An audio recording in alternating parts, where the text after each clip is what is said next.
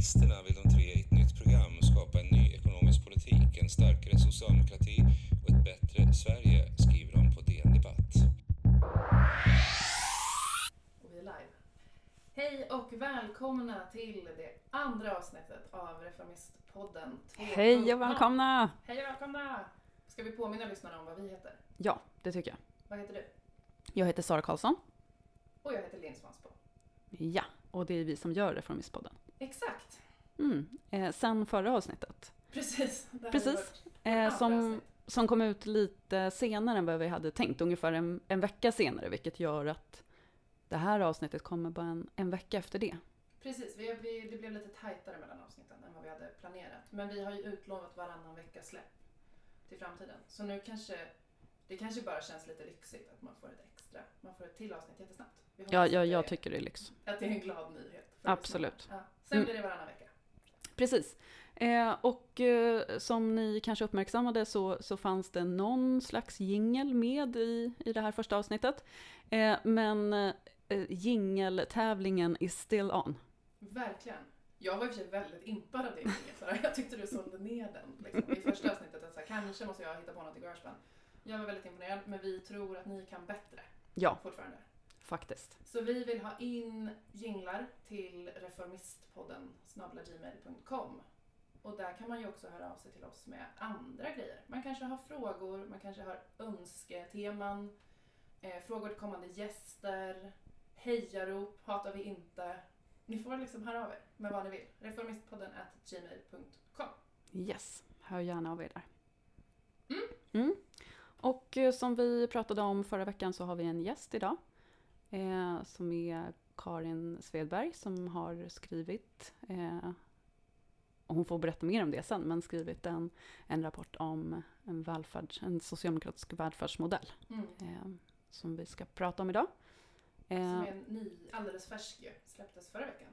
Så den ska Mm. vi borra lite i med Karin Men först ska vi få höra era spaningar. Först ska vi få höra våra spaningar, säger författaren själv som om hon vore en radioprogramledare. Underbart. precis, hon håller i oss. Exakt. Lite, vi tänkte att vi skulle bjuda på det liksom återkommande i de här avsnitten. Så, ja men veckans spaning liksom. Vad har vi sett och hört omkring oss i världen och Sverige och socialdemokratin kanske. Vad har du tänkt på den här veckan Sara? Ja, jag har... Eh, jag kommer bryta det här löftet om att ta, mm, tänka på något annat än covid. Eh, det är ju fortfarande väldigt eh, trist om man blir lite deppig av det, men det är ju liksom överskuggar ju det, det mesta annat. Eh, men just den här veckan har jag tänkt på den liksom begynnande diskussionen om vaccination. Mm. Eh, eftersom att det ju men ser mer och mer hoppfullt ut att vi ska kunna ha ett vaccin om inte, om inte allt för länge. Eh, och med det så startar ju också en, en diskussion om hur man ska rent praktiskt bara distribuera allt vaccin och liksom få till eh, liksom få till själva vaccinationerna. Ja. Eh, och jag har sett bland annat att man diskuterar om man kan frystorka vaccin för att kunna transportera. Och det, alltså det pågår en massa sådana diskussioner. Mm. Eh, men där uppstår ju också politiska diskussioner kring vem som ska gå först i, i kön Ja. till vaccinationerna. Och det känns ju väldigt rimligt att det är riskgrupper. Alltså äldre och andra riskgrupper som, som får gå först i vaccinationskön. Men jag har också tänkt en del på, på den andra änden, så att säga. Eh, och alltså vilka som ska få gå sist i vaccinationskön. Har du några förslag? Ja, det har jag. Ja, kul. Eh, och jag tänker att det här storebrorsamhället som vi ändå lever i nu för tiden kanske skulle kunna få visa sig från sin bästa sida. Mm. Eh, och att, att man då kan plocka ut data på vilka som stod i de där liftköerna i Åre efter att pandemin hade slagit ut och de som faktiskt var, stod och dansade på bord på, på Spybar nu i, liksom, i, i höstas. Ja. Eh, de ska så sist i Det är en vaccinationskön. Jag tänker att de Skistar borde kunna spåra. De borde ju ha koll på vilka Absolut. köpte liftkort. Det kan vi dra ut. Ja, alltså de Och, loggar ju eh, allt vi gör. Och de här eh, på Östermalmshallen som köpte ål. Såg vi dem? Såg ni dem? Det var nästan klipp. De borde fan Ja. bli dubbelstraffade. Ja, Ja. verkligen. Jag tror inte på det där med coronan, eller vad de sa. Så här, Östermalm. De tror inte heller på ålens utrotning. Nej, det gjorde de inte. Nej. Jag älskar ål. Och så var det någon av dem sa, men jag heter Frisk i efternamn. Som en liksom kommentar på hur tänker du kring... De borde vi, honom borde vi leta upp. Sist vi kan. Ja, honom borde vi leta upp. Eh, absolut. Eh, men bara en, en lite mera allvarsam eh, grej om, om vaccin. Eh, så har det ju också rapporterats att det är väldigt många som är tveksamma till att Mm, ta vaccin när det väl kommer. Och det är klart att det finns en grund för det också i det som hände med svininfluensavaccinet och narkolepsi. Eh, jag har själv, eller liksom min, en, en nära vän till min son drabbades och det, alltså det finns ju liksom i, i våra liv på olika sätt eh, exempel på eh, att det kan bli fel. Men jag tänker att jag tror att de kommande månaderna, månaderna kommer vara en viktig tid för, för alla oss som liksom tror på rationalitet och Mm. solidaritet. Att påminna varandra om, att, om fördelarna och liksom vår, vår kunskap och historia om vad vaccin kan, kan uträtta. Så att jag vill också skicka den uppmaningen till, eh, till alla att, eh, att prata med sig själva och varandra om vikten av att vaccinera sig. Gud ja. Mm. Bra spanat. Tack! Vad har du tänkt på? Ja, men jag har tänkt på, och jag tänker att det kanske kommer leda oss in på veckans ämne och veckans gäst. Men jag har följt den här eh, diskussionen som har pågått kring Huddinge kommun. Jag vet inte om ni andra har sett det på nyheterna, men ni har liksom läst och förfärats och nästan garvat på, liksom, för det är, så, det är så knäppt som man häpnas. Där då eh, det borgerliga styret med Kristdemokraterna i spetsen och jag tänker ändå man hör Ebba Busch Thor veva emellanåt hur mycket de gillar de äldre och Mm. ska ta hand om de äldre och vi ska värna de äldre och sådär. Men det är KD som, som är ordförande där för äldrenämnden, eller vad den nämnden hette exakt och där ska man nu då eh, lägga ner den kommunala hemtjänsten. Mm, just det, det har jag Just det. sett något om. Och eh, för att den är inte lönsam. Precis. Eller? Den går inte med vinst var liksom kommentaren och, den inte, och så kan man ju fundera på varför hela friden en kommunal hemtjänst skulle gå med vinst och hur det skulle gå till. Och, ja, det vet jag knappt. Men, men han, ordföranden där i den här äldrenämnden har i alla fall uttalat sig då och sagt att den är inte tillräckligt eh, lönsam så nu ska de lägga ner den och de har försökt eh, komma åt det här problemet i fem års tid och inte lyckats och den är fortfarande inte lönsam. Så nu ska den läggas ner och det är så 794 eller 784 av Huddinge kommuns äldre som använder den kommunala hemtjänsten idag. Och den ska Mm. då avvecklas fram till 1 november 2021. Så det är ändå ganska kort tid tänker jag för att hitta omsorg för 794 äldre någon annanstans. Mm. Och det är då också så att de har tre privata vårdaktörer varav en eller två hade fått liksom förbud och anmärkningar nu från IVO för att de är för dåliga för att bedriva äldreomsorg.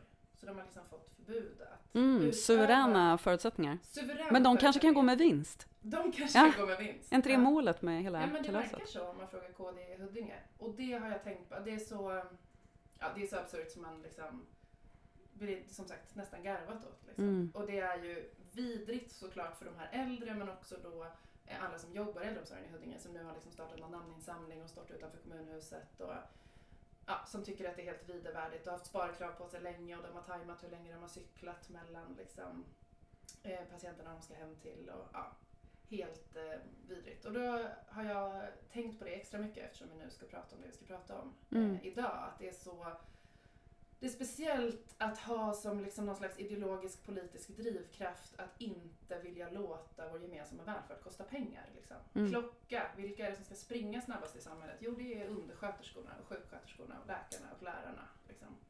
Ehm, och det är ju så jävla helt knäppt. Tycker jag. Det har Det- jag tänkt på. Ja, och det är, jag håller med. Det är verkligen Mm. helt knappt. Eh, men det känns ju väldigt bra ändå att vi då ska ägna kommande stunden åt att prata om vad, vad vi skulle kunna göra istället. Exakt. Ja. Så välkommen hit, Karin Svedberg. Tack så mycket. Eller tack för att vi får komma hem till dig, kanske man ska säga. Ja, vi är faktiskt hemma hos dig Karin. Det är lite fräckt. Ni är så välkomna. Det är ju fantastiskt att ha er här i mitt kök. En liten hemmastudio. Ja, Eh, men berätta kort, vem är, vem är du? Vi säga något om det först? Jaha, jag tänkte säga det som jag hade i åtanke, vilka fina spaningar ni flög in oss mot välfärdssystemen med. Men jag är reformist och har arbetat det här året med välfärdsfrågorna. På ett föredömligt sätt. Man får ju också säga grattis till det här otroliga. Du har ju precis fått liksom släppa den här bebisen som du har jobbat med i ett års tid. Hur känns det? Jo, men det är ju eh, oblandad glädje att få prata om frågorna med så många fantastiska personer i och runt Reformisterna. Och nu också er, om de här frågorna. Så det, det känns eh, bara roligt att vi äntligen, att jag äntligen får vara med och prata om och ta tag i. Vart, vart, vad ska vi och vad kan vi verkligen göra? Mm. Mm. Roligt. Och välfärd är ju, liksom, kan ju vara allt, nästan. Eh, kan du börja med att ringa in lite? Så här, vad handlar den här rapporten om och, och varför har ni skrivit den? Vi avgränsade oss ganska snabbt till det som faller under skollagens, hälso och sjukvårdslagen, socialtjänstlagen och LSS, lagen om särskilt stöd. Under de, de lagarnas områden. Vi bestämde oss också för att försöka arbeta med realistiska förslag och inte till exempel gå in och titta på och ha idéer om att förändra kommunalt och regionalt självstyre eller någonting sånt. Utan liksom utifrån hur ser det ut idag? Eh, hur kan vi jobba med system? Det kan låta paradoxalt, men hur kan vi jobba med systemförändringar utifrån ehm, de många demokratiska institutioner som vi har. Och förvaltningspolitiska, för det är ju det som det här handlar om, förvaltningspolitik för välfärdens alla områden. Och det, Vad betyder det att det är förvaltningspolitik Ja, men- för välfärden? ja, men det betyder, skillnaden skulle vara så som jag eh, ser debatten oftast i sina sakpolitiska stuprör. Alltså vi ser äldreomsorgspolitik, vi ser skol eller utbildningspolitik, vi ser sjukvårdspolitik och det är ofta mm, professionsdrivet eller också liksom kunskapsintensivt kring de här välfärdsområdena. Med ett sånt perspektiv, alltså ytterst kan man säga att det redan är ett NPM-at eh, förhållningssätt. Alltså då har vi redan brutit ner välfärden i för små beståndsdelar Mm. för att det ska kunna ta sitt jämlikhetsskapande uppdrag på allvar. Och med förvaltningspolitik för välfärden så tänker vi hur organiserar och styr vi alla de här delarna av välfärden? Naturligtvis krävs det förfinade styrinstrument i alla delar. Men vad kan vi göra på systemnivå? Vad händer om vi betraktar välfärden som en och helt väsentlig samhällsföreteelse? Mm. Men eh, ni pekar ju i, alltså ni pekar på många olika saker i rapporten. Jag rekommenderar verkligen alla att, att läsa den i, i sin helhet, så kan man ju diskutera olika delar. Men jag tänker, ni pekar ju ut ändå eh, problem som eh, de senaste decenniernas utveckling har fört med sig. V vad skulle du säga liksom, som huvudproblemen i, i svensk välfärd som liksom samlat kluster idag? Jag tror att huvudproblemet om man skulle välja ett är att välfärden inte i tillräcklig utsträckning motverkar klasspositionens betydelse eller bidrar till att stärka individens möjligheter utan i i sina värsta fall kan vara direkt segregerande så som den är organiserad idag. Eh, Det är då ett väldigt övergripande svar Mm. på din fråga, men det, det tycker jag är det Mm. värsta Ja, problemet. det var en övergripande Mm. fråga. Alltså Mm. det cementerar ojämlikhet. Eller Cementerar- åt, eller åtminstone till hjälper med- inte till Nej, att öka till och med, det, till delar kan säkert, men den är, så- det är en sån myriad av aktiviteter. Mm, Det finns naturligtvis exempel på när det bidrar till att bryta ojämlikhet. Men till delar idag på systemnivå kan vi se att det till och med förstärker ojämlikhet. Och Mm. det är liksom, Och om, om du skulle beskriva den här, eh, som du sa, liksom befintliga förvaltningspolitiken som finns nu, som ger det här övergripande problemet. Hur ser den ut idag? Vad är det eh, rapporten presenterar ett alternativ till? Då är det ju marknadisering och NPM, New Public Management, som är de två de huvudsakliga beståndsdelarna som vi lyfter fram. Och alldeles enkelt då så är marknadisering, befintligheten, närvaron av vinstsyftande, vinstdrivande aktörer. Och New Public Management är ett ganska komplext och omfattande styr, en styrlogik som genomsyrar välfärden. Som alldeles förenklat kan man säga handlar om att mäta mätbara saker. Och det blir eh, välfärdens kärnuppgift. Att mäta, mäta, mätbarhet, ägna sig åt mätbarhet. Mm. Och hur, hur, hur um, vad får det för, jag tänker att vi, vi har pratat om att vi, vi ska prata lite om så här medborgarperspektivet, alltså vi som tar del av välfärden, som vi alla gör, vi tre som sitter här och ni som lyssnar på olika sätt. Eh, men också är vi lite nyfikna på hur, vad det här får för konsekvenser för de som jobbar i välfärden. Eh, vill du berätta något om det? Alltså, har ni fått reaktioner på det? Vad, vad är liksom arbetarperspektivet på att jobba i den här problembilden? Mm, nu tycker jag det var många stora saker samtidigt här. Ja. Vi, försöker, vi försöker ta några. Um, en, en, en anstötlighet i systemet som det ser ut idag är naturligtvis att enskilda personer tjänar pengar på vår välfärd. Ehm, det är reformisternas övertygelse sedan starten av föreningen att vi inte ska ha vinstdrivande aktörer i våra offentligfinansierade välfärdssystem. Det är bara en del av problematiken. För med en marknadiserad välfärd så blir byråkratiseringen med den kontrollapparat som krävs för att hålla vinstdrivande aktörer i schack mm. är enorm och kostsam i sig. Hela det gransknings utvärderingsparadigm som är förhärskande. Men det är också att de offentliga aktörerna som ändå utgör fortfarande ungefär 75 procent i liksom landet i snitt genomsyras av de olika kännetecken som NPM-systemet har med sig. De brukar sammanfattas som företagisering och marknadisering.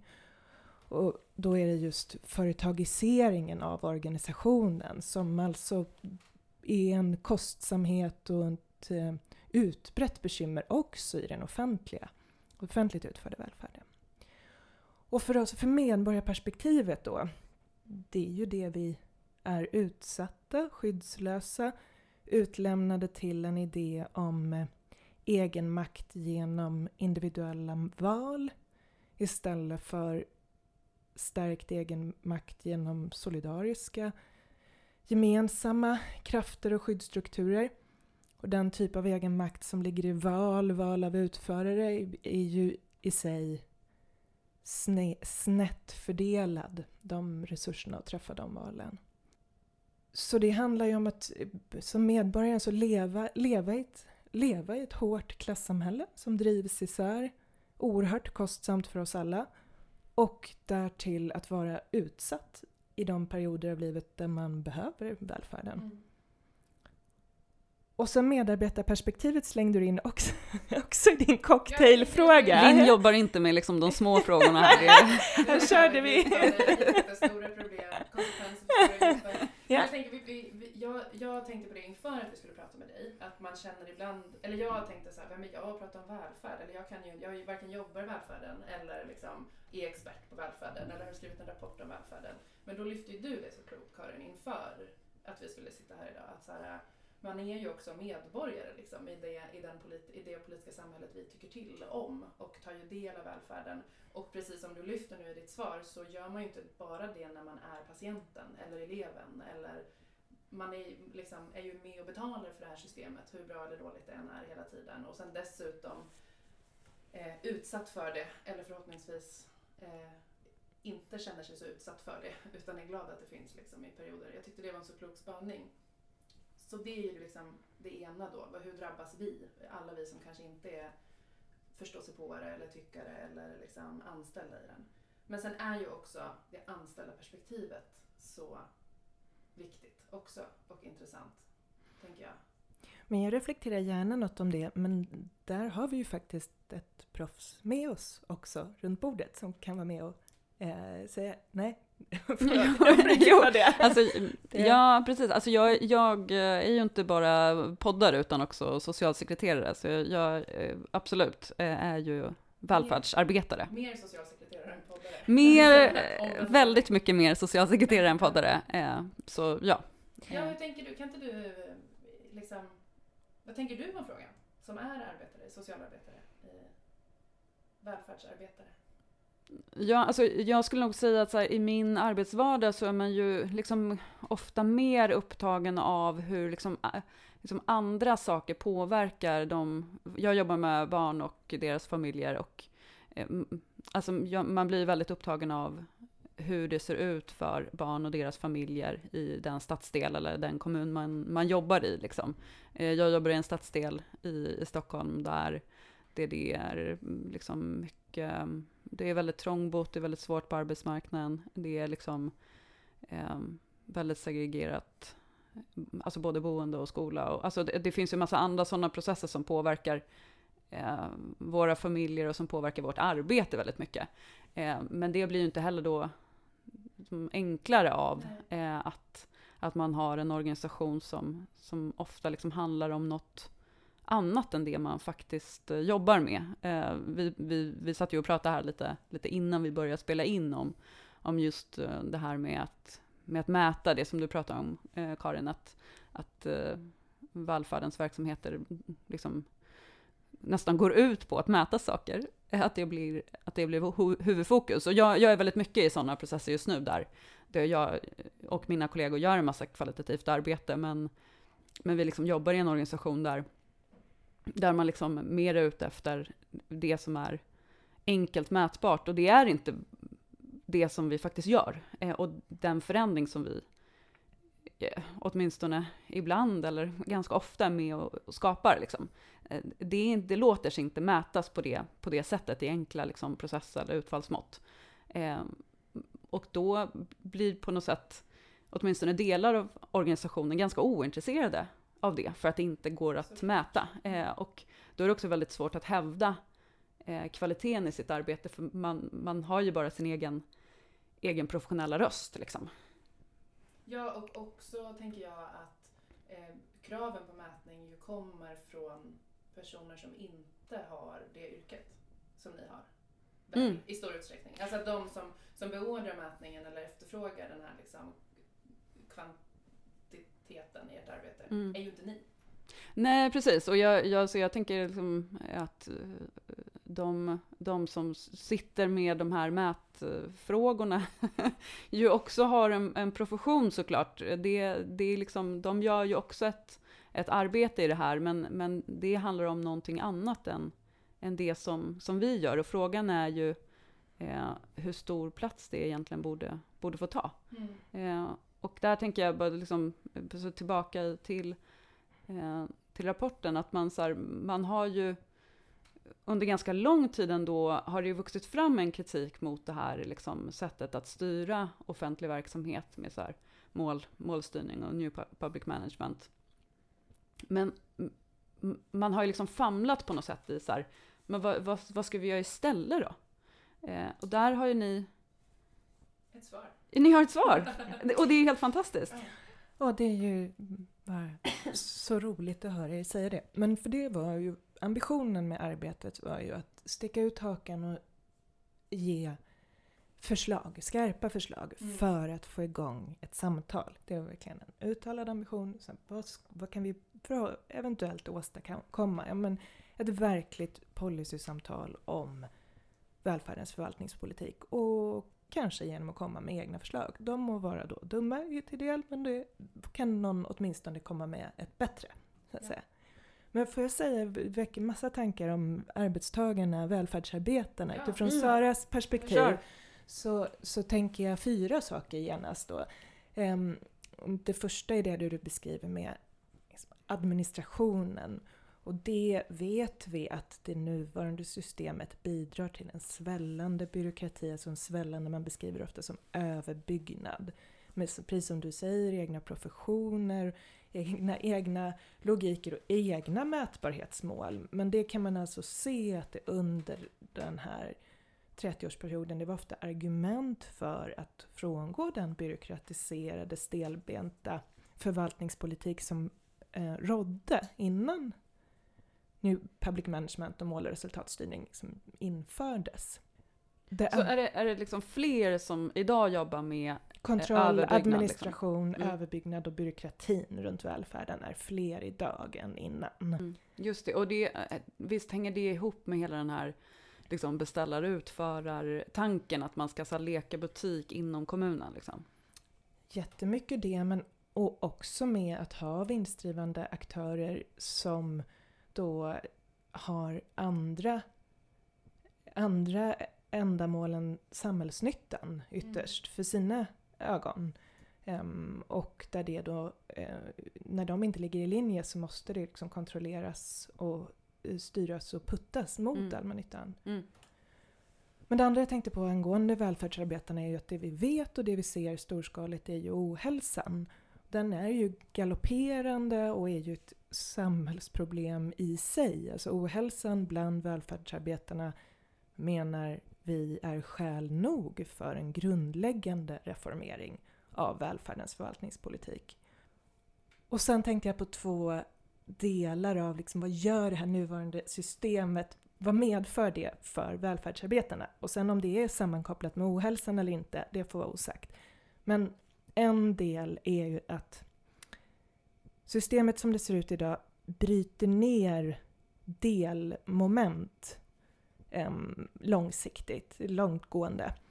Vilket betyder att det är väldigt svårt för en välfärdsarbetare oavsett vem man är att ha en hel människa eller ännu mer ett helt familjesystem eller så att säga, en hel individ för ögonen.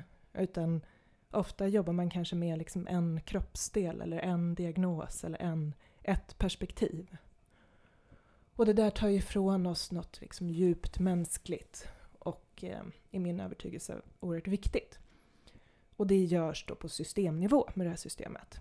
Och det andra är att systemet som det ser ut idag bryter ner samverkansimpulser eller försvårar eller till och med omöjliggör samverkan eftersom alla myriader delar i systemet har sina egna oerhört specifika och speci specialiserade mål eller resultatindikationer för ögonen gör ju att det finns inte incitament för samverkan eftersom man inte verkar för någonting gemensamt övergripande större, till exempel en individs övergripande hälsa eller så att säga, livssituation.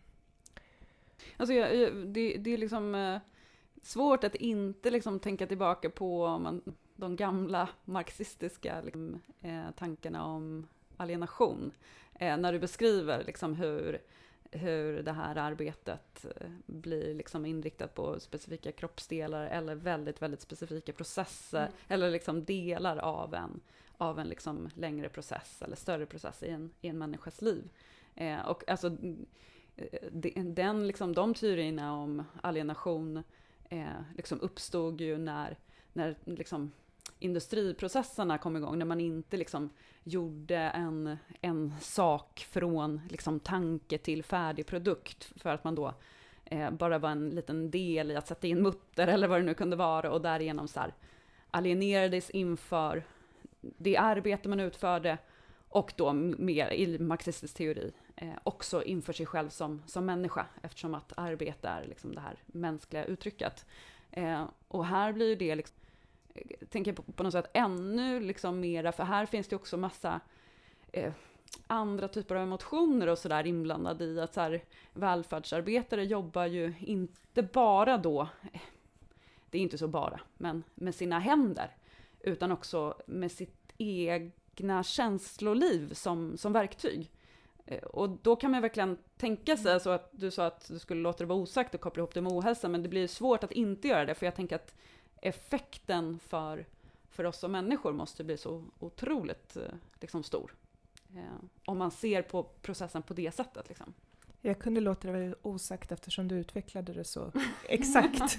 så, ja, den, de här sammanbanden är för mig liksom självklara och i dagen för oss i vårt Mm. samhälle. Men de är ju inte beskrivna eller diskuterade. Alltså vi har, gick ju igenom i arbetet med den här rapporten de 22 mest relevanta SOU-erna under det senaste decenniet runt välfärden. Och eh, det finns ju inga SOU-er som eh, adresserar systemnivån. Så att säga, de direktiven har inte skrivits, det, det har inte belysts. Eh, de här frågorna som du till exempel tar Mm. upp nu. Mm. Men det är ju eh, så himla spännande och upplyftande tycker jag med den här rapporten också. Precis som, som vi lyfter här. Så här. Här kommer ett svar, eller åtminstone ett förslag på ett svar. För att jättemycket av den här problemformuleringen som finns i rapporten, som ni har pratat om på släppet, vi fick en teaser på höstkonferensen. Det är ju, eh, utan att förminska innehåll, innehållet i rapporten, inget nytt. En problembild som jag tycker att liksom man har hört beskriven, man har hört professionen uttrycka det, lärarna är frustrerade över Mm. liksom en överhopande betygsadministration, sjuksköterskorna är, är liksom frustrerade över det här, liksom, vad kallade du det, över, överbyggda, över, Överbyggnaden Ja, möjligen. Exakt, Mm. överbyggnaden. Eh, och eh, politiska företrädare erkänner också att det är ett problem. Liksom. Vi tycker det är jätteproblematiskt med dyra konsultkostnader. Vi som är sossar i Stockholm. Mm. Och vi tycker det är jätteproblematiskt att man har upphandlat svindyra strumpor å ena sidan och byggt en genomskinlig glaskorridor på andra, i andra sidan. Och så. Mm. Den problembilden har ju funnits, men väldigt få svar. Ehm, och det ska ju bli så himla spännande tänker jag att se hur den här mottas nu då. För den kommer ju inte så mycket i så konflikt med annat politiskt program som, som du säger. Utan den kommer ju i konflikt med vakuum liksom. Eller ingenting. Mm. Och det är väl risken att den där genom, så att säga, i, i vakuum är svårt att andas och, och föra, en, föra en debatt. Men det får vi ju hjälpas åt att Ja, göra. Vi, vi gör ju det för fullt här. Men jag Mm. tänker att det är också är en anledning att utkräva lite svar Mm. från företrädare. Att, att så här, okej men om inte den här vägen, vilken Ja. då? För vi Ja. är ju alla överens om att det här inte duger. Liksom. I alla fall vi som är organiserade i det här partiet. Ehm, har, har, den mot, har ni fått några mottaganden än? Liksom? Eller hur har den mottagits? Har du någon känsla för än hur den har landat hos människor? Jag har bara fått kärlekshälsningar i det här sammanhanget. Jag, jag ni vet, lite så, det är klart man är orolig så. Ehm, jag, jag har fått väldigt fina, fina anmälningar av olika slag från medlemmar. Och det är... Det värsta är väl att det är också på en ganska övergripande nivå. Jag tror att vi kommer komma in på det. Ehm, för en del, nu, nu hoppar mina tankar, det finns inget värsta med det. Det är jätteroligt att mottagandet har varit varmt, punkt. Men jag ser ett bekymmer i graden av specialiserad kunskap som tycks krävas för att diskutera och utveckla det här politikområdet. Såklart som många andra, men det här är någonting som berör så väldigt många. Det är många som är otroligt angelägna, längtar efter alternativ och svar. Men jag uppfattar att man inte så att säga är med och tar ansvar för att förfina förslagen eller ställa de kritiska frågorna ännu om em, det är realistiska då, det genomförbara. Och vi kommer säkert in på det på de här juridifieringsområdena. Jag har upplevt en liksom passivisering eller att man, till, att man är så här, nästan fatalistisk. Så det här går inte att ändra och så. Och så är det naturligtvis inte. Men, men det är någonting här där vi står och liksom mm, trevar precis inför att på något sätt ta, ut, ta steget ut i en ny typ av debatt. Eh, om vi ska förskjuta några gränser här och göra någon förflyttning så måste ju det ske. Ja. Men där det är svårt att prata om de här tekniska delarna. Mm. Och jag tänker, alltså, för ni, ni sätter ju också fingret på, på någonting viktigt där, att det har, det har liksom med juridifieringen att göra, men också särskilt kanske knutet till EU-rätten. Vi vet att EU-rätten påverkar oss och att det finns en massa saker vi inte får göra, men det är också skitsvårt att veta. Eh, och det är lättare att vara tyst än att säga något som blir fel. Eh, och det kanske är där någonstans Ja, det du möter Karin, i, liksom, i reaktionerna, så det här låter jättebra men sen vågar jag inte säga mer för då kanske jag säger fel om statsstödsreglerna. Liksom. Mm. Det, finns, det finns något som heter tjänster av icke-ekonomiskt intresse. eller hur? Som har med det här att göra. Och man kan nästan bli, eh, vad heter det när man är lite så här för misstänksam? Paranoid. Man kan nästan bli paranoid för att de här begreppen är så krångliga så att det nästan inte går att lära sig. Även om man håller på med det här jättemycket så blandar man ihop de här begreppen. Så att det där... Alltså jag, jag måste faktiskt säga att jag inte riktigt hade hört, liksom hört det eller läst det, tror jag. Jag har ändå suttit åtta år i riksdagen. Eh, Det kan ha varit så att jag har glömt det bara för att liksom EU-språket är ju, Mm. det är ju ett eget språk på något sätt. Eh, Men eh, ja, Ja, men jag tycker det låter helt symptomatiskt. Åtta år i riksdagen utan att behandla det här som kanske är ganska viktigt. Som ja att det här är något som går det, under det, det känns viktigt. Det gör det. Eh, alldeles för mycket. Och så de här krångliga begreppen på det som gör att om man nu har hört något så glömmer man det för det går inte att sortera in det. Mm. Men det finns något som heter icke-ekonomiska tjänster av allmänt intresse. Ja, okej. Ja. Va? Jag hoppas att jag sa rätt. Ja. Ja. Eh, Men, men ehm, det menar vi att det behöver utredas grundligt vad det är i den svenska kontexten. Alltså det här är vi inne på de nationella handlingsutrymmena, alltså det som EU-rätten inte reglerar, det som inte ingår i EUs öppna marknad, det där alltså inte statsstödsreglerna gäller Mm. och LOU eller inte behöver appliceras. För det här tyckte jag var en av, det här är en av de sakerna som jag tar med mig mest från höstkonferensen efter att ha lyssnat på dig. Som ju känns som en liksom, eh, säger man kioskvältare? Är det rätt? Ja, Låt det, låt det vara en kioskvältare. Om det är, är så, för du får berätta det här bättre än vad jag kan från rapporten, men det ni skriver om i de här icke-ekonomiska tjänsterna av allmänt intresse är att EU-rätten inte reglerar sådana Ja, tjänster. Och då, det är det som är liksom tes, eller det ni skriver. Och det är fakta. Är det, det är alla överens om, Det att det är överens så. Det som vi inte är överens om är vad de är. Så Sverige har aldrig processat det här i EU-domstolen, uppenbarligen. Vi har Men- aldrig tagit, vad jag vet, någonting till förhandsbedömning. Eh. Nej. Nej. Men hur liksom eh, har EU-domstolen gjort andra avgöranden som vi skulle kunna lära oss någonting av?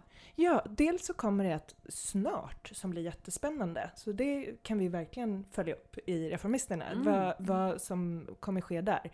Ehm, men sen så finns det, kom det också ett år, i år, Dovera-målet, um, som är på många sätt väldigt jämförbart. Det handlar om Gud, om jag hade vetat att vi skulle gå in på det här, det här får ni klippa, men då hade jag verkligen läst på nu kriterierna i, i- lä.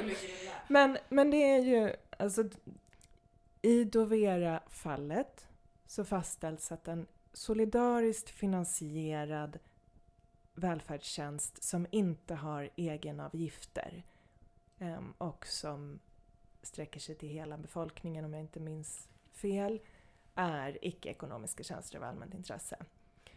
Vilka, om jag nu hade rekvisiten rätt eller inte exakt så är poängen att det, det som var rekvisiten och som säger att sjukvården i Slovakien inte är icke-ekonomisk, förlåt, är icke-ekonomisk tjänst av allmänt intresse trots att det är vinstdrivande aktörer som är med och utför den. Det som är intressant där är att rekvisiten stämmer in på den svenska välfärden. De allra största delarna är ju inte egenfinansierade, de är solidariskt finansierade Mm. och så vidare.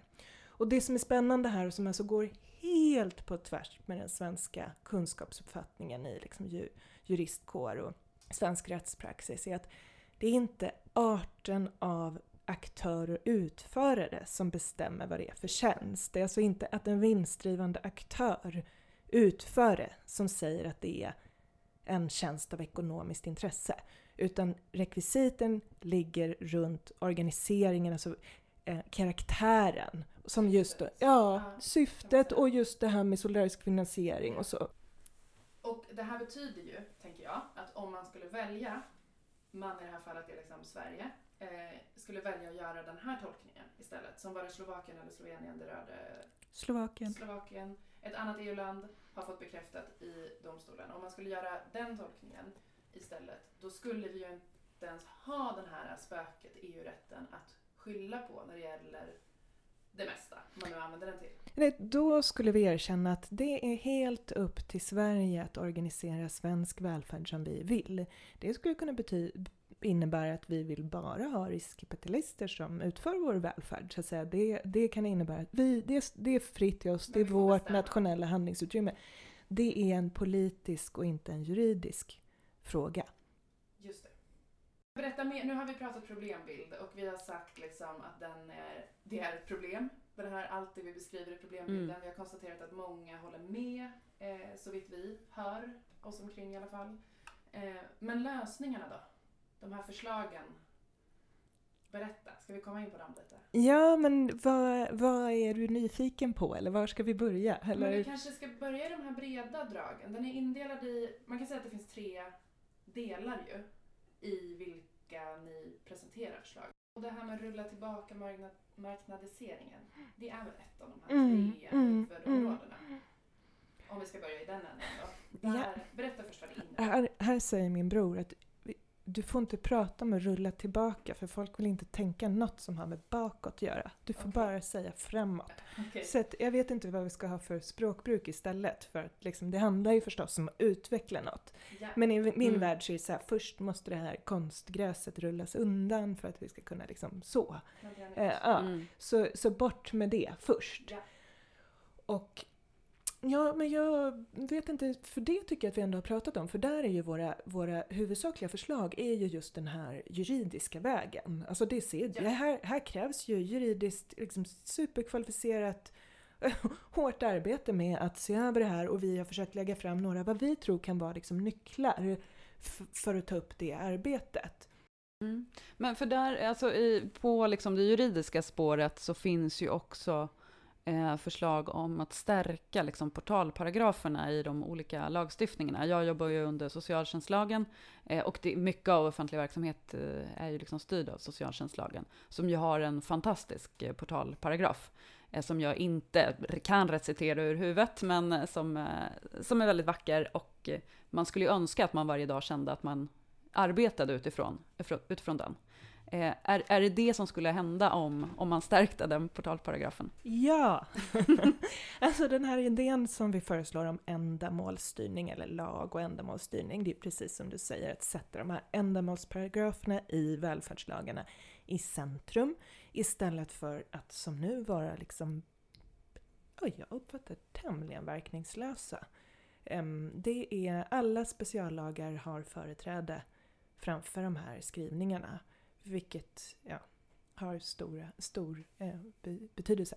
Så där vill vi ju liksom ändra på den här eh, ordningen på, och det kräver ju ett juridiskt hantverk men det kräver ju också, tror jag, någon typ av liksom ideologiskt politiskt mod att uttala att när en eh, när det finns en krock mellan en välfärdslag och en marknads eller konkurrensvårdande lag så det kanske är så att vi behöver prioritera och att vi behöver vara trygga i vad, är viktigast när vi reglerar eh, när, när det kommer till välfärden. Vilka, vilka lagskrivningar har företräde? Mm. Just det, så en instruktion på något sätt kring hur man ska... Nu, Tillämpa jag lag. trasslade in mig på, för här är inte mitt, eh, det här är inte mitt hemområde Och juridiskt. det här är ju inte en juridikpodd. Nej, Nej. det här är jag inte en juridikpodd och eh, mina efterforskningar har eh, lett så långt att jag inte begriper hur man går tillväga i sådana här frågor.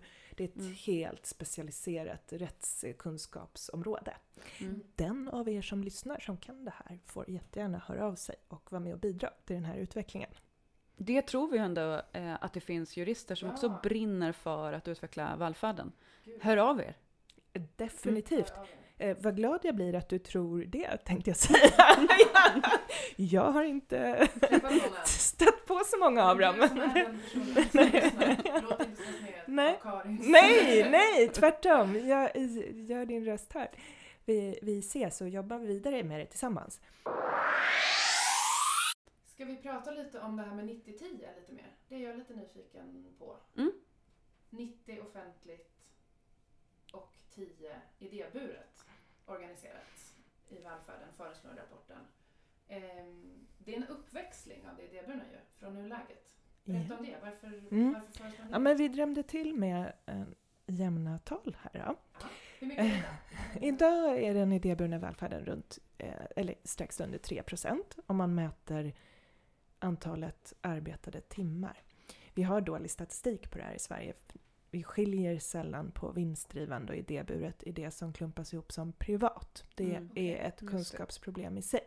Det gäller SCB, det gäller SKR, det gäller många kommuner och regioner lokalt och de allra flesta myndigheter. Kommunal har i- i många år skilt på idéburet och eh, vinstdrivande. Det tackar vi för.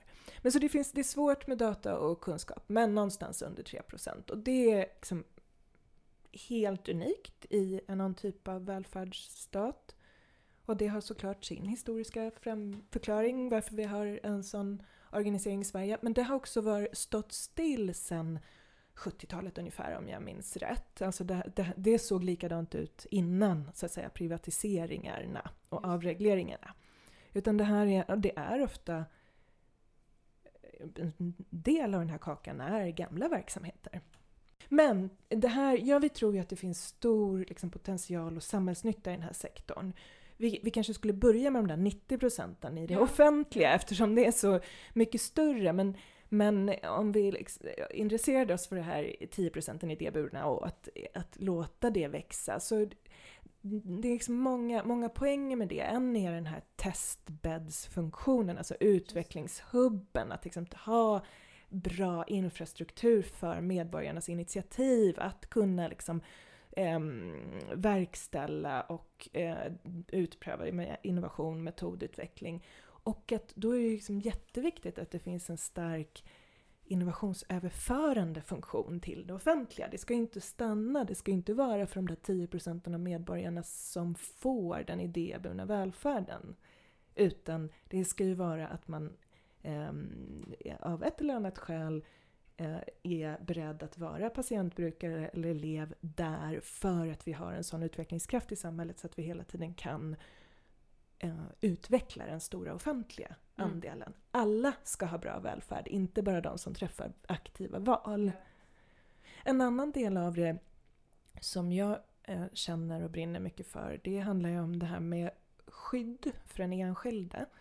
Och där är det ju civilsamhället idag i stor utsträckning som arbetar med det de facto. Alltså det är både det är patient och brukar och anhörigorganisationer som följer upp väldigt mycket. Det är ofta civilsamhällesinitiativ, mm, särskilt när media så att säga, inte mäktar med som faktiskt granskar enskilda fall, kan orka med att driva någonting så kollektivt eh, med myndigheter och så att säga. Och det där ehm, ser jag som en väldigt viktig del av, det är inte- bara den parlamentariska demokratin som är del av demokratin utan det där är ju också ehm, ett sätt att liksom, Göra Att- demokrati. Ja, att göra demokrati, att skydda de enskilda, att vara, att vara närvarande i välfärden. Ja, och som du säger, det hade kanske varit eh, mer logiskt att börja göra om 90 och vi kommer till det. Men det är också en av anledningarna till att jag tycker att det är ehm, också en sån himla spännande grej att det är sån liksom modig eh, riktning i rapporten med just idéburen. Att den höjs så mycket i det. Och det är ju där, om vi, om vi eh, pratar om valfrihet, så är det ju där som vi ser någon typ av pedagogisk mångfald eller så att säga, ideologisk Mm. mångfald Mm. eller så, eftersom vinstdrivande aktörer aldrig gör mer än det exakt avtalade så får vi ju aldrig någon innehållslig mångfald där utan exakt det som det offentliga beställer, apropå köpa, beställer Mm. och utföra perspektivet. Medan de idéburna eh, alltid måste göra det som beställs. Men därutöver eh, är dels med det frivilliga arbetet som kanaliseras men också med mm, socialt företagande är ju en stor del av den här sektorn. Röda Korset har ju inte bara hjälpverksamhet utan sina butiker och kaféer och så där man också alltså dels både sysselsätter men också drar in resurser till Mm, verksamheten. Alltså mm. man förstärker, i den här lilla, lilla sektorn i Sverige så förstärks ju välfärdens totala resurser genom att man ehm, tillför medel. Ja. ja. Och de 90 då? Ja, Vad är, vad, börja i hur ser det ut idag då vad blir förändrat? men 75 procent ungefär brukar man ju säga. På, det här ser ju helt olika ut i landet. När vi pratar om valfrihet så får man komma ihåg att i stora delar av landet finns ju ingen valfrihet alls. För det finns bara en, eller liksom det är offentliga utförare och kanske natur, av naturliga skäl bara finns en utförare lokalt så att säga. Um, så det ser ju väldigt olika ut. Mm. Men uh, 75 procent enkelt Ja. sagt. Ja. Och ni tycker att det ska bli 90? Ja, vi tycker att den robusta majoriteten av liksom välfärden bör vara offentligt utförd för att garantera den här höga kvaliteten till alla. Alltså um, för att garantera likvärdigheten och styrbarheten, det vi, det vi ser med svårigheterna med idag.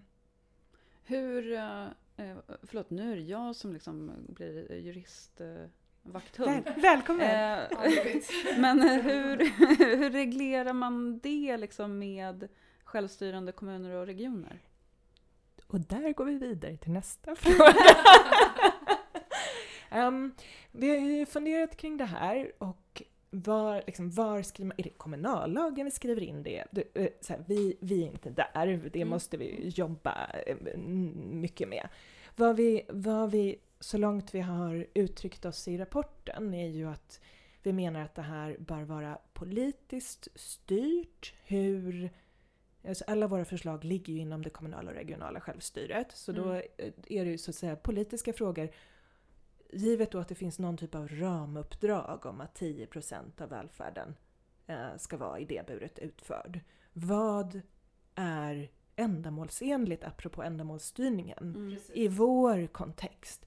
Är det, så att säga, vad finns hos oss? Har vi många så kallade ASF-er, arbetsintegrerande sociala företag, som är framgångsrika här? Men då kanske det är de vi ska stötta. Vi har behov av det. Vi har många som står riktigt långt från arbetsmarknaden. Eller vad är liksom vår...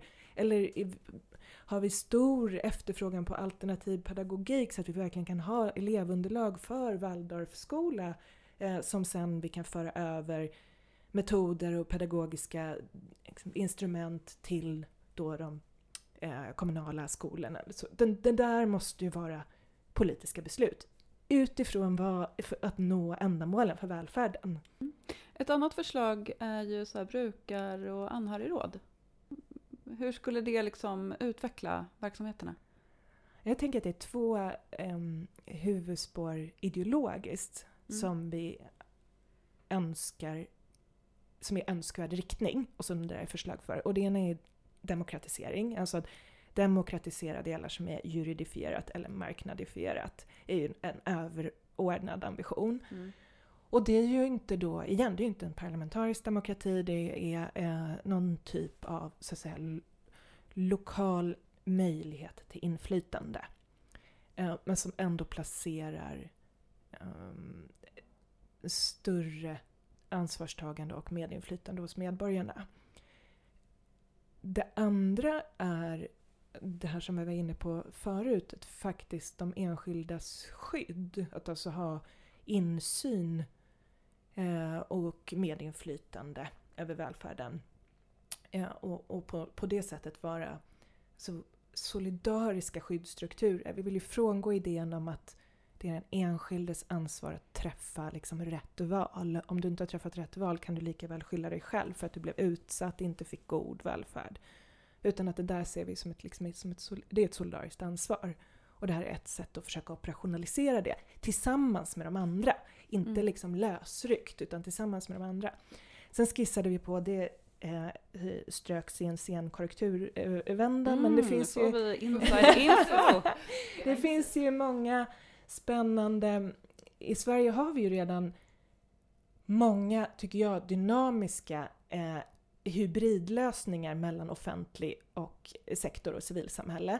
En sån är ju liksom arbetsmarknaden där man säger att så här, men de här civilsamhällesorganisationerna, de kan ta bättre ansvar för... Det här behöver inte lagstiftning, utan det här, då tycker vi att det är tillräckligt stora liksom, demokratiska församlingar för att faktiskt fatta beslut.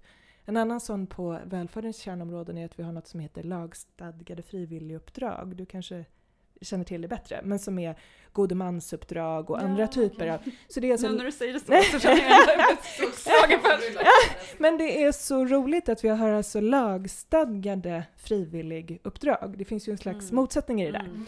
Så att eh, vi snurrade lite kring om, det, om just sådana här brukar och anhörigråd skulle kunna vara en sån typ av lagstadgat frivilliguppdrag. Som alltså skulle skilja sig delvis från de som är idag, men att det finns någonting där redan idag, där vi faktiskt så att säga eh, erkänner frivilligheten som en eh, funktionell grund att kombinera med det, det som är eh, lagreglerat och inom liksom, det offentliga, offentligas ansvar. Mm, det är väl en, eh, liksom en eh, jätteintressant liksom, tanke och utgångspunkt för hur man skulle liksom, skriva fram det rent liksom, tekniskt juridiskt. Mm.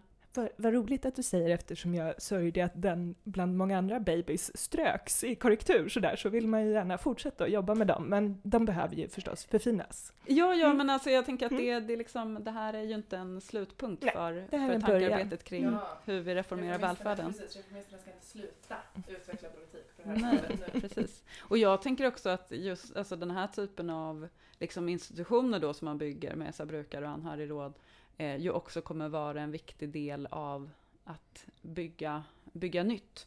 Liksom tillsammans med professionen Mm. och, eh, eller professionerna Verkligen. och den här överbyggnaden som ska delvis avvecklas men Ja. också delvis byggas om. För Ja. att det, det kommer ju vara liksom en process i, i sig. Jag, tänk, jag tänker att man, eh, alltså de som liksom, de som har varit banerförarna för New Public Management hade nog inte heller liksom så här, exakt det här ska vi göra, eh, utan de sa så här, men vi måste göra något annat än det som är idag. Mm. Och så pekade de ut så här, huvuddragen, Mm. och sen har ju det formats och omformats och liksom eh, perverterats. Mm. Ja. Eh, och jag tänker att Under många, många år. under många år, precis. Och det här som, som vi behöver göra nu och som, som du Karin har, har varit med och skissat på här är ju liksom också något som kommer behöva eh, utvecklas och formas och omformas eh, kommande år liksom. Men, men eh, utan att perverteras. Eh. Just brukar och anhörigråd, eh, eller någon typ av liknande liksom, funktioner, eh, fanns tydligen som socialdemokratiska embryos eller förslag innan liksom, NPM sopade mattan. Men det, var, Mm. det fanns tankar, så det knyter an till också en, en, eh, en historia i partiet, att ha Mm. sådana tankegods. Vi har lagt lite, li, an, förslagen lite annorlunda. Men, mm. Mm. mm. Men Nej. så, var, var står vi nu liksom? Den här rapporten har kommit. Precis vad jag skulle fråga. Ja, vad gör bra. vi nu? Va, vad gör vi nu? Hur långt bort är det här? Precis. Var, mellan nu och ändamålsstyrning. Ja, vi ska ju skriva motioner till Reformisternas årsmöte och det får ni klippa bort om det inte passar i just det här sammanhanget. Det vill säga, um, vad, vad är realistiskt? Vi, vi har ju vinnlagt oss om att eh, lägga förslag som vi uppfattar är realistiskt genomförbara. Mm. Eh, Det är därför ni inte utmanar det kommunala som, självstyret som till exempel. exempel. Mm. Eh, verkligen inte. mm, delar av också, stor del av liksom, förvaltningspolitiska apparaten med liksom, en, en styrande myndighet och en granskande myndighet. Mm. Andra element som offentlighetsprincipen vill vi ju bara stärka. Alltså Mm. det är ju Ja. inte så det är ju väldigt reformistiska förslag, eh, steg för steg möjliga att genomföra och så vidare. Det som möjligen är det det som möjligen skulle kunna uppfattas, eller som kanske finns ett radikalt grepp i, det är ju det här att verkligen försöka se välfärden som, som en samlad samhällsfunktion och inte liksom trilla ner i, för det har också varit ett, ett eh, vakthundsarbete under projektets gång, att liksom inte trilla ut i utbildningspolitik eller sjukvården, då skulle vi kunna göra så här och så vidare, utan här jobbar vi på en reformnivå som är möjligt att omfatta liksom hela välfärden Mm. och att det tror vi har en stor poäng för samhället Ja, att göra ja. det. Mm. Men kanske också göra det lite svårare att landa hos eller för att det är lite såhär, vilket departement ska ta det här? Japp. Typ, för att det är Ja, så otroligt Självklart över- är det så. Och där skissar vi också på att vissa delar av det här skulle, ja, men det bara rent tekniskt, skulle behövas utredas i stuprör just av det där skälet. Eh, För det måste liksom göras parallella utredningar då Mm. för de olika områdena. Är det någonting mer du ville lyfta från rapporten som du inte har fått prata om nu? Fast vi har pratat i ditt kök i flera timmar. Det finns ett område som inte har berörts som ändå är vi behöver göra samlat och det är ju hur fantastiskt duktiga våra motkrafter är. Kompetenta, välorganiserade och starka. Och det där försöker vi utreda lite grann och också lägga konkreta förslag kring. För det tänker jag att det är liksom enda vägen. Eh, de är mycket konkreta i sitt arbete, mycket handgripliga och eh, reforminriktade. Och vi måste liksom också vara det. Vill du utveckla lite vad du menar med att liksom, mot, motkraften och de är duktiga på vilket, Ja, gör de? ja. Vilka är de? Ja, de är ju... Um, motkrafterna mot den riktning vi föreslår är ju naturligtvis de vinstdrivande företagen och eh, deras stora intressesfär som också är så att säga, en industri av um, tankesmedjor, forskningsinstitut och intresseorganisationer av olika slag som, som också har sina så att säga, karriärer och levebröd. Ehm, och de är superduktiga Mm. på sin, på sin agenda. Och har varit i många år tycker jag. Ja, alltså, det är så absolut. tydligt när man ser tillbaka eh, på hur det har utvecklat sig. Att som du säger så har det har funnits en strategi. Ja, De har haft en, Ja. liksom, man har haft en idé från början och sen har man mycket, mycket, mycket framgångsrikt över ganska lång tid liksom, med ena handen dränerat den offentliga välfärden på skattemedel och med andra handen konkurrensutsatt den för att man har sagt att den inte funkar. Liksom. De är inte dumma nej. och, och vi lägger, för, för att konkretisera det där lite, så lägger vi förslag om till exempel övergångsregler i, i, alltså i ett karriär, i ett yrkesliv, att gå mellan olika instanser med offentlig makt direkt till näringslivet och ehm, hur man kan reglera inflytande över utredningsprocesser ehm, som vi ser stor obalans i och så vidare. Så det tänker jag bara, det är något vi verkligen, Mm. verkligen inte hade berört men då är det helt centralt att vi också inom socialdemokratin bara måste, apropå lite så spöken och så, att det här, det här är ju verkligen allmän kunskap men vi behöver ha konkreta förslag om hur vi jobbar givet de här förutsättningarna. Tänker Mm. jag på det området. Ja, men det är jätteviktigt att du tar upp det Karin, för att eh, det är starka motkrafter som vi inte kan underskatta. Men jag tänker att det finns ju liksom, eh, de har ju tack vare att de har starka ekonomiska intressen, har de ju också mycket ekonomi. Alltså det finns väldigt Mm. mycket pengar i den här eh, lobbysektorn. Och det ska man verkligen inte underskatta. Men det finns ju någonting annat vi inte heller ska underskatta. Och det är ju ideella krafter som brinner för någonting annat Mm. eh, som har gjort det som du, Karin och andra nu under månader har gjort. Brunnit och låtit det, liksom, den glöden också komma ut eh, i rapportform. Stort tack för det och tack för att du ville gästa Reformistpodden. Ja, tusen tack Karin igen och eh, tack till er som har lyssnat på det här andra avsnittet av Reformistpodden 2.0. Ja, vi blir mycket glada när ni lyssnar och vi kommer också bli väldigt glada över frågor, önskemål, eh, olika tillrop och Jinglar, jinglar. jinglar Ja, vill vi ha också. Reformistpodden snabelagmail.com och som vi har sagt, förutom att Karin letar jurister som vill vara med och jobba för en mer utvecklad välfärd, så letar ju reformisterna alltid fler reformister som vill vara med och engagera Mm. sig och brinna för ett socialdemokratiskt Sverige i förlängningen. Så eh, join us, häng på. yes. Tack för denna gång. Vi hörs. Tack för nu, vi hörs om ett par veckor. Yes. Hej då.